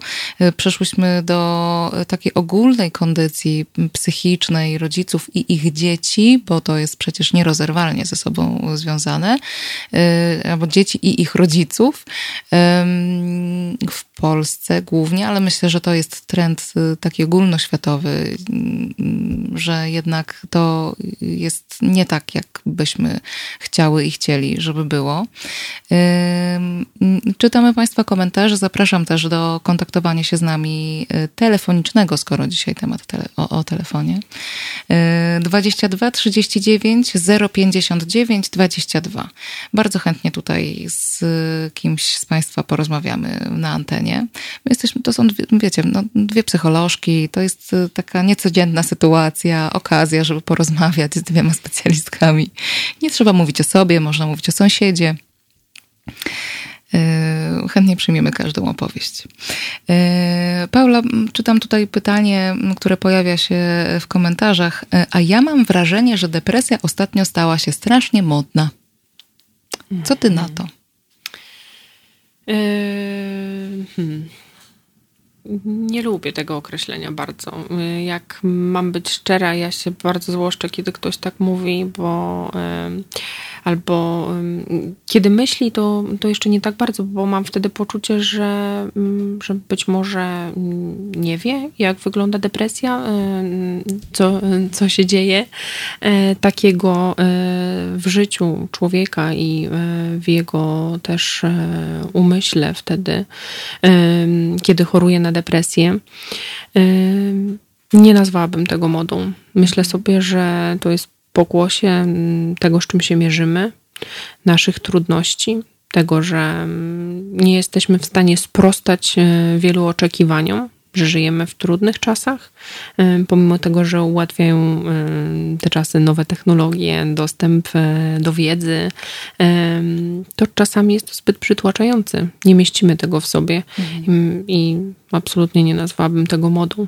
Warto też zwrócić uwagę na to, że możemy tak samo powiedzieć, że teraz modne są telefony komórkowe. Trochę jest tak, że my się dowiadujemy i o zdrowiu, i o nowych technologiach, i w ogóle o świecie coraz więcej, bo, um, bo coraz więcej jest badań na ten temat, coraz więcej e, się pojawia e, nowych odkryć i dzięki temu jesteśmy w stanie się rozwijać. Tak samo coraz więcej wiemy o depresji i dzięki temu jesteśmy ją e, w stanie lepiej leczyć, skuteczniej sobie z nią radzić i, i może przez to, że, że więcej się pojawia na ten temat, to mamy poczucie, że jest to jakiś trend, ale nie nazwałabym tego modą. Mhm. Bo ty mówisz o takiej sytuacji, kiedy mamy do czynienia z osobą, która ma zdiagnozowaną depresję, a środowisko to jakoś ignoruje y, albo właśnie stwierdza, że o, co to jest w ogóle za diagnoza, że depresja to nie choroba. Y, a mam wrażenie, że y, mm, panu Marcinowi chodziło o to, ale nie wiem, tak sobie wyobrażam i wydaje mi się, że tak czy inaczej jest to warte poruszenia, że mm, przez to, że więcej mówi się o depresji jako takiej, to też z większą łatwością e, takie sytuacje, w których nie może być mowy o depresji, o zaburzeniu e, w sensie mm, spełniania e, warunków zapisanych w, mm, jako kwalifikujących do wystawienia diagnozy depresji, tylko mówi się o depresji w kontekście czucia się, gorszego samopoczucia danego dnia, albo jakiegoś poczucia smutku, y, ale chwilowego, y, że mm, uciekł mi autobus, a ja mam deprę. Nie? Y, że chyba o to chodzi. Czy widzisz w tym jakieś zagrożenie, że może depresja jest zbyt często na ustach dzieci i młodzieży mm, współcześnie? Hmm.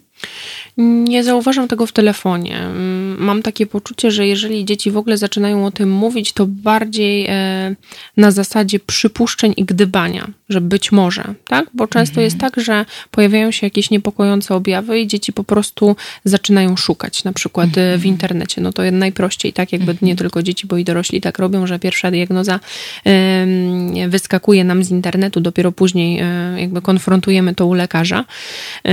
I tak jest też w przypadku depresji, że to trochę sprawdzamy. Ale faktycznie dzieje się też tak, że mm, czasami zbyt lekko i w nieodpowiednich e, sytuacjach używamy tego słowa. Kiedy mamy właściwie właśnie e, przez chwilę na przykład gorszy nastrój, albo kiedy mm, mamy do czynienia z jakąś nieprzyjemną sytuacją, to mówimy o tym, że, mm, że mamy depresję. E, czy to jest zagrażające? Nie wiem, ale myślę sobie, że może być w sytuacji, kiedy e, później faktycznie dzieje się u nas coś niepokojącego, a ktoś nie bierze tego na serio, bo ma poczucie, że, e, no, że już e, tak było, tak? że już ktoś mówił i wtedy nic takiego nie było, że to przeszło po jednym dniu, więc teraz nie zwrócę na to uwagi, więc może tutaj to jest jakiś sygnał, żebyśmy byli trochę bardziej ostrożni. Mhm. Okej. Okay. Y, no dobrze, to y, na koniec, bo to już w zasadzie ostatnie minuty naszego spotkania y, dzisiejszego, wróćmy jeszcze do tematu samego telefonu zaufania. Czy to jest dobry pomysł? Bo tak siedzę i się zastanawiam, żebyśmy jako osoby dorosłe, jako rodzice swoich dzieci, dziadkowie swoich wnucząt, mieli na podorędziu numer telefonu do telefonu zaufania dla dzieci i młodzieży, na przykład tego prowadzonego przez Fundację Dajemy Dzieciom Siłę. E, I przekazali ten numer w momencie, kiedy widzimy, że coś jest nie okej, okay, mm, ale dziecko nie wykazuje chęci, żeby o tym porozmawiać z nami. Czy to jest dobry pomysł? Hmm. Myślę, że bardzo dobry to jest pomysł. Nie obrażajmy się wtedy, e, kiedy dziecko powie, że z nami nie chce rozmawiać, bo być może to nie jest po prostu na to gotowe, albo tak jak już mówiłyśmy wcześniej, nie chce martwić e, babci, dziadka czy rodziców. Mhm. Dlatego pozostawienie tego numeru telefonu e, może spowodować, że dziecko będzie miało szansę pierwszy raz porozmawiać o swoich trudnościach, ale mogę też jakby Państwu powiedzieć o tym, że, że do dostanie też informację w telefonie zaufania, że rozmawianie z bliskimi osobami o swoich trudnościach jest w porządku i że mają do tego dzieci prawo. My do tego zachęcamy dzieci, oczywiście najpierw pytając o to, czy to jest w ogóle możliwe w danej sytuacji, bo często jest tak, że możemy to proponować, a to jest niemożliwe, bo w domu jest na przykład przemoc. Ale wcześniej to badamy, sprawdzamy e, i jeżeli jest to możliwe, to jak najbardziej ja bardzo do tego zachęcam, żeby dzieciom e, ten telefon przekazywać i im o tym mówić, bo, bo e, jest to dla nich i jest to też coś, czym my jako dorośli możemy się wspierać. Ale żeby nie było tak, że, mm, że dorośli nie mają takiego swojego miejsca, to mm, fundacja nasza prowadzi też telefon dla rodziców i nauczycieli w sprawie bezpieczeństwa dzieci. To jest numer 800 100 100. On również jest bezpłatny. Można tam zadzwonić od poniedziałku do piątku w godzinach 12-15. I jest to telefon, gdzie osoby dorosłe, które mają jakieś trudności z dziećmi, których dzieci są w niebezpieczeństwie, mogą zadzwonić i zapytać o to, jak sobie z tym radzić, gdzie szukać pomocy, co zrobić. Bo myślę sobie, że to wsparcie, tak jak wspominałaś wcześniej, jest potrzebne systemowo. My My pomagamy głównie dzieciom, ale wiemy i widzimy to, że pomagając tylko dzieciom, nie poprawiamy mhm. tak, sytu takich sytuacji, jakbyśmy tego chcieli. Żeby to zrobić, potrzebujemy działać też w szkole, potrzebujemy działać też z ich rodzicami. Stąd też różne nasze działania profilaktyczne, które staramy się realizować gdzieś jeszcze dookoła na tyle, na ile to możliwe. No i stąd też drugi telefon, żeby ten dostęp do pomocy, do wiedzy, do edukacji był też dla osób dorosłych. No właśnie, ja śledzę troszkę działania fundacji, y, dajemy dzieciom siłę i bardzo dużo jest tam też treści poświęconych y, profilaktyce czy też zapobieganiu przemocy w rodzinie. Jest dużo scenariuszy, które można realizować na lekcjach wychowawczych w szkołach, mm, dużo materiałów, które nauczyciele mogą pobrać. Mm, czy to jest taki problem, który widać y, w mm, telefonie? Czy on się jakoś. Y, no, czy to jest odczuwalne? Dzwonią dzieci z takimi problemami związanymi z przemocą w domu? Jak najbardziej. Hmm. Ja powiedziałam na początku, że głównym tematem, który jest poruszany, e, to zdrowie psychiczne, hmm. ale to bardzo często koreluje z hmm, przemocą w rodzinie, chociażby przemocą emocjonalną, na przykład e, zaniedbaniem czy brakiem właśnie dostępności emocjonalnej, o której też mówiłyśmy. To też jest przemoc, więc warto to też powiedzieć, bo czasami mamy poczucie, że przemoc to bicie, albo przemoc to znęcanie się nad kimś, oczywiście też, ale mm, to są, to jest też krzyk, to jest też brak dostępności, to jest zaniedbywanie. Obrażanie się. Obrażanie się, mhm. dokładnie tak. Obrażanie się na dziecko, obrażanie dziecka też, mhm. czy wyzywanie. E, to wszystko też jest przemoc. Oczywiście wykorzystanie seksualne także, bo to też jest obszar działań fundacji i też działań bezpośrednich fundacji, także tym też się zajmujemy i takie telefony też odbieramy. A jakie narzędzia macie jako mm, konsultanci odbierający telefon w telefonie zauf- odbierający telefon w telefonie zaufania. No niech będzie. To jakie macie narzędzia w momencie, kiedy dzwoni dziecko i wiecie, że chodzi o przemoc? Bo znowu odniosę się do sytuacji gabinetowej. W momencie, kiedy mm, w rozmowie z mm, klientem bądź pacjentem, e, psycholog czy też innego rodzaju specjalista dowiaduje się o tym, że jest, mamy do czynienia z sytuacją przemocy e, domowej, szczególnie w odniesieniu do dziecka, ale nie tylko, no to po prostu dzwoni się na policję, niestety. Mhm. Albo stety. Ale, a jak to jest w przypadku telefonu zaufania, kiedy jednak jest ten dystans? Mhm. Analogicznie, ale nie mhm. zawsze. Mhm. Nie w każdej sytuacji taki, takie zgłoszenie na policję się pojawi. Często jest to rozmowa z dzieckiem o tym, gdzie w otoczeniu może zgłosić to, co dzieje się w mhm. domu i też rozmowa o tym, z jakiego powodu warto to zgłosić, bo warto też powiedzieć o tym, że to jest bardzo trudne. Akurat zjawisko przemocy jakby jest tak skonstruowane, że bardzo trudno jest dzieciom i o tym mówić, a tak. już najtrudniej jest to zgłosić bo dzieci często się z tego wycofują. Nawet jeżeli już to mhm. zrobią, to się z tego wycofują. E, zresztą nie tylko dzieci, dorośli też jakby takie mechanizmy. No tak, powiedzmy, że ten stosują. mechanizm jest taki, że w momencie, kiedy dziecko jest ofiarą przemocy, to ono y, nie nienawidzi swojego rodzica, tylko zaczyna nienawidzić siebie. Mhm, mhm. Tak to niestety działa. Mhm. Tak, dlatego też e, często dziecko nie reaguje, nie mówi o tym, e, że, mm, że doświadcza przemocy. I właśnie e, faktycznie my możemy też interweniować w sytuacjach przemocy, ale możemy, możemy też z dzieckiem właśnie szukać, szukać tej pomocy w jego otoczeniu. Czyli powiedzieć mu, gdzie może tej pomocy poszukać i co warto zrobić w tej sytuacji, żeby ta przemoc się zakończyła. To, co ważne, żeby dziecko wiedziało, to mhm. to, to że nie mówiąc o przemocy y, nie sprawi, że ona zniknie. Może być też tak, że sytuacja się pogorszy. I myślę, że to jest bardzo ważne, żeby dzieci o tym wiedziały i żeby wiedziały, że mają prawo o tym mówić, a nie mają prawa tego doświadczać. Doświadczać, że w żadnej sytuacji i w żadnym momencie nie powinno być tak, że dziecku dzieje się krzywda. Mhm. Y, a czy macie jakieś narzędzia, żeby sprawdzać, czy dziecko faktycznie to zgłosiło, czy to jest odpowiedzialność na jego ramionach? Mhm. Jeżeli interweniujemy, to mhm. tak, to dostajemy takie informacje mm, zwrotne wtedy, co się zadziało w sytuacji dziecka. Często jest tak, że interweniujemy też do otoczenia dziecka, czyli kiedy mhm. dziecko zgłasza nam przemoc, my interweniujemy na przykład do szkoły, tak? Ustalamy to z dzieckiem, e, kim jest osoba, z którą możemy się skontaktować, czy jest to psycholog szkolny, czy jest to wychowawca.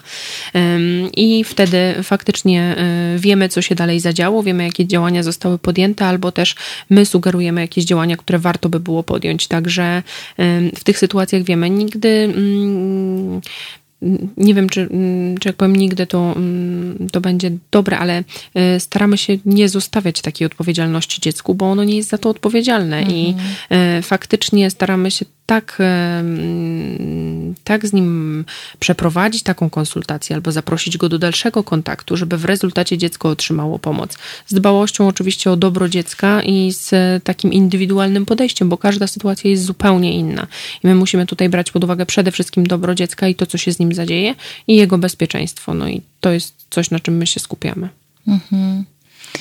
Paulo, dziękuję Ci serdecznie za dzisiejsze spotkanie. Mam wrażenie, że jakieś bardzo ważne i że. Mm, być może z jednej strony trochę zachęcające do korzystania z takich narzędzi jak telefon zaufania, y, może nie tylko dla dzieci i dla młodzieży, ale również dla dorosłych.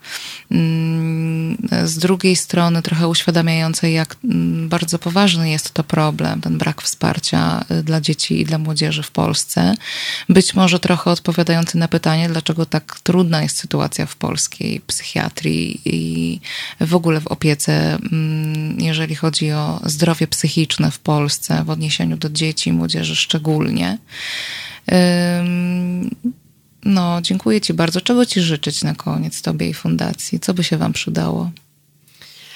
Myślę sobie, że chyba to, co najbardziej, to taka możliwość, nie podcinanie skrzydeł w niesieniu tej pomocy, bo my chcemy ją dawać. My chcemy dawać dzieciom siłę, takie jest nasze przesłanie, tak jak sama nazwa fundacji wskazuje, my się na tym skupiamy i tak działamy e, i to jest coś, co e, nas też buduje, więc e, dalej chcemy to robić, ale musimy mieć do tego środki, musimy mieć jak, dlatego to, co jest nam potrzebne, to chyba takie wsparcie teraz najbardziej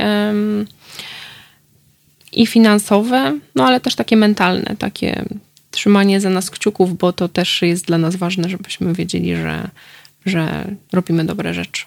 To mentalnie zaciskam teraz Mm, kciuki, y, żeby tak właśnie było. Państwa zapraszam na stronę fundacji Dajemy Dzieciom Siłę. Jeżeli macie ochotę wesprzeć y, y, telefon, w którym Paula pracuje, którego pracę koordynuje. Bardzo dziękuję Państwu za uwagę. O, tu jeszcze bardzo ładne życzenia dostałaś w komentarzu. Życzę Pani, aby odbierała Pani jak najmniej telefonów. Bardzo Oczywiście dziękuję. dlatego, że, że nie będzie takiej potrzeby, a nie, że z innych tak, powodów. Tak, też to zrozumiałam oczywiście, że to nie są problemy technologiczne na przykład albo finansowe, mm. ale tak, też sobie tego życzymy, żeby dzieci w tym kraju były szczęśliwe. Dziękuję bardzo Państwu, życząc dobrej nocy. Zapraszam na y, nasze kolejne spotkanie w tematach psychologicznych y, już w niedzielę, wcześniej troszkę, o godzinie 17. Joanna Frejus, Paula Wodarczyk, Joasia ze sterami. Dzięki serdecznej, do usłyszenia.